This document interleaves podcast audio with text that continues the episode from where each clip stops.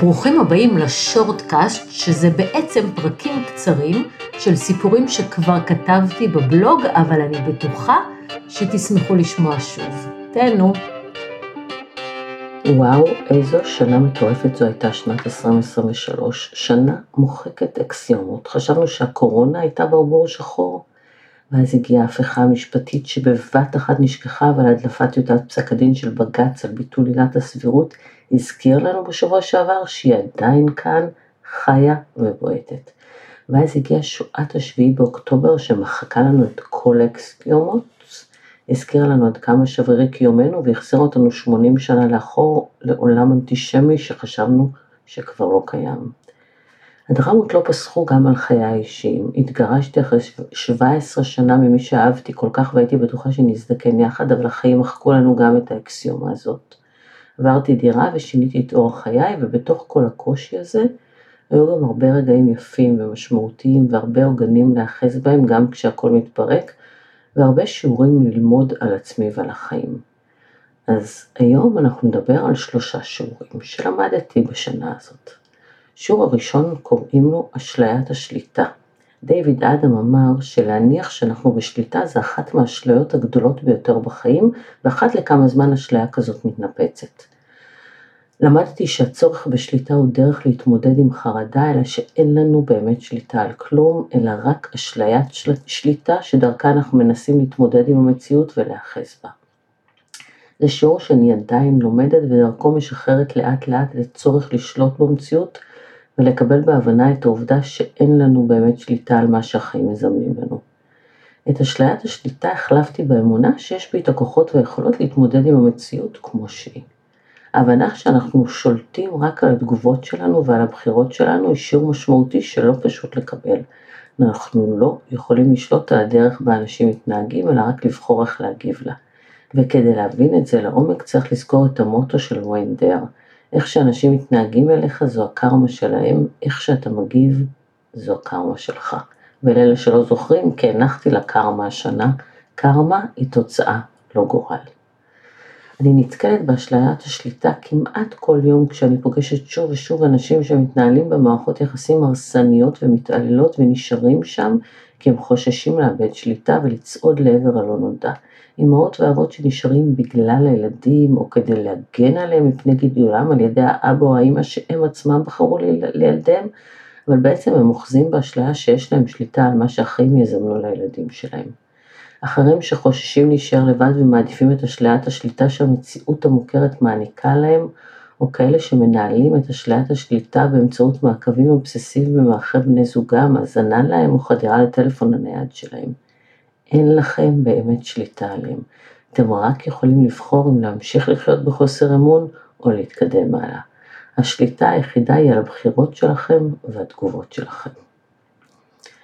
השיעור השני קוראים לו להציב גבולות, כי בתוך חוסר השליטה הזו, מאחז השליטה היחיד הוא בתוך הגבולות שלנו. אחד השיעורים הכי משמעותיים הוא להגן על הגבולות שלנו ולהבין את חשיבותם. הבנו את זה כאומה כשפרצו פיזית את הגבולות שלה בשביעי לאוקטובר וכבשו את העוטף ורצחו ושחטו ואנסו וחטפו אותנו. עוד קודם לכן, יצאנו במשך 40 שבועות לרחובות כדי להגן על הדמוקרטיה ועל ערכי היסוד שהלכו ונרמסו, והרגשנו צורך להגן על הגבול הזה ולהילחם על גבולות הגזרה של ערכי המדינה. אבל גבולות קיימים בכל תחום ותחום בחיינו וצריך פשוט להציב אותם. הצבת גבולות מחייבת אותנו לקחת אחריות על סדרי העדיפויות שלנו ועל הערכים שלנו. הגבול לא נועד לאף אחד אחר, הוא נועד עבורנו והוא מאפשר לנו סוג של שליטה על המרחב שלנו, כי בתוך הגבולות שלנו נמצאות גם בחירותינו. את לא תיקחי לי את החופש, הוא אמר לה כשהתעקש לנהל מערכת יחסים שגבולותיה אינם ברורים עם אישה במקום עבודתו. את חולת נפש, את צריכה אשפוז, הוא שב ואמר לה כשהביע את תסכולה מהקרבה הזאת שבינו לבין אותה אישה. לקח לה זמן עד שהיא הבינה. היא לא יכולה לשלוט בו או לנהל אותו, היא יכולה להחליט שהיא לא מעוניינת לחיות במערכת יחסים כזו ושמה גבול. כשהגיעה אליי לימדה אותי שיעור בהצבת גבולות. אני לא יכולה לשלוט במה שהוא עושה, אני יכולה להחליט עם מי אני מוכנה לחיות ועם מה לא. ועם חוסר אמון וחוסר כבוד אני לא מוכנה לחיות, היא אמרה בשלווה. אחרת החליטה לשים את הגבול אחרי חודשיים של טיפול שליטה, שנים שהתנהלה עם טיפולי שתיקה עד שנמאס לה. אחרי טיפול השתיקה האחרון היא אמרה לו שהיא לא מוכנה לזה יותר והציעה שילכו לטיפול זוגי. הוא סירב ואמר לה שהיא חייבת טיפול ושתלך לטיפול בעצמה, והיא באמת הלכה, אלא שבטיפול היא בעיקר למדה להציב גבולות. בפעם הבאה שהוא העניק לה טיפול שתיקה, הוא קיבל מסמכי גירושים ואז התחנן שהם ילכו לטיפול, אבל הוא כבר חצה את הגבול ולעיתים אי אפשר לחזור לאחור. וכשלקוח עבר את הגבול וחשב שמותר לו לומר לנו הכל, הבהרתי לו שאנחנו אמנם נותנים את הנשמה ללקוחות, אבל לא מוכרים להם אותה וסירבתי להמשיך לייצג אותו למרות שכר הטרחה השמן. אף סכום לא קונה את הנשמה שלנו, הבהרתי לצוות במשרד כשהודעתי לאותו לקוח שיחסינו הסתיימו. זה לא קורה כמעט, אבל כשזה קורה, זה שיעור חשוב בהצבת גבולות. הפודקאסט והבלוג הם גבולות שלא הסכמתי לחרוג מהם למרות השנה הקשה הזאת, והם היו עבורי עוגן להמשיך בעשייה גם בעת סערה. כשאתם מגדירים לעצמכם את הגבולות האישיים שלכם, אתם משיגים קצת שליטה ועושים לעצמכם קצת סדר בחיים. לצד זאת צריך לזכור שגבולות אפשר להזיז, אפשר לפרוץ אותם ולהניח מחדש וזה לגמרי בסדר. אבל בעיקר חשוב להיות מודעים לצורך להניח אותם שוב ושוב בכל אספקט, הבריאותי, ההורי, המשפחתי, החברי, האישי, הזוגי, הרומנטי והמקצועי. ברנה בראון אמרה, האומץ להציב גבולות משמעותו להעז לאהוב את עצמנו אפילו תוך לקיחת הסיכון של אכזבת אחרים. השיעור השלישי שלנו להיום, בכלל מהשנה החולפת, הוא לפרוץ את גבולות התסכול. תסכול הוא תחושה שאנחנו חווים אל מול מציאות שמאכזבת אותנו, אל מול ציפיות שלא נענו, אל מול בעיה שאנחנו מתקשים לפתור. כשאנחנו חווים תסכול לא נוח לנו, קשה לנו, לוחץ לנו, לא נעים לנו, אנחנו מתוסכלים. למדתי השנה שתסכול וקושי יכולים להיות גם מקפצה לשינוי וגדילה.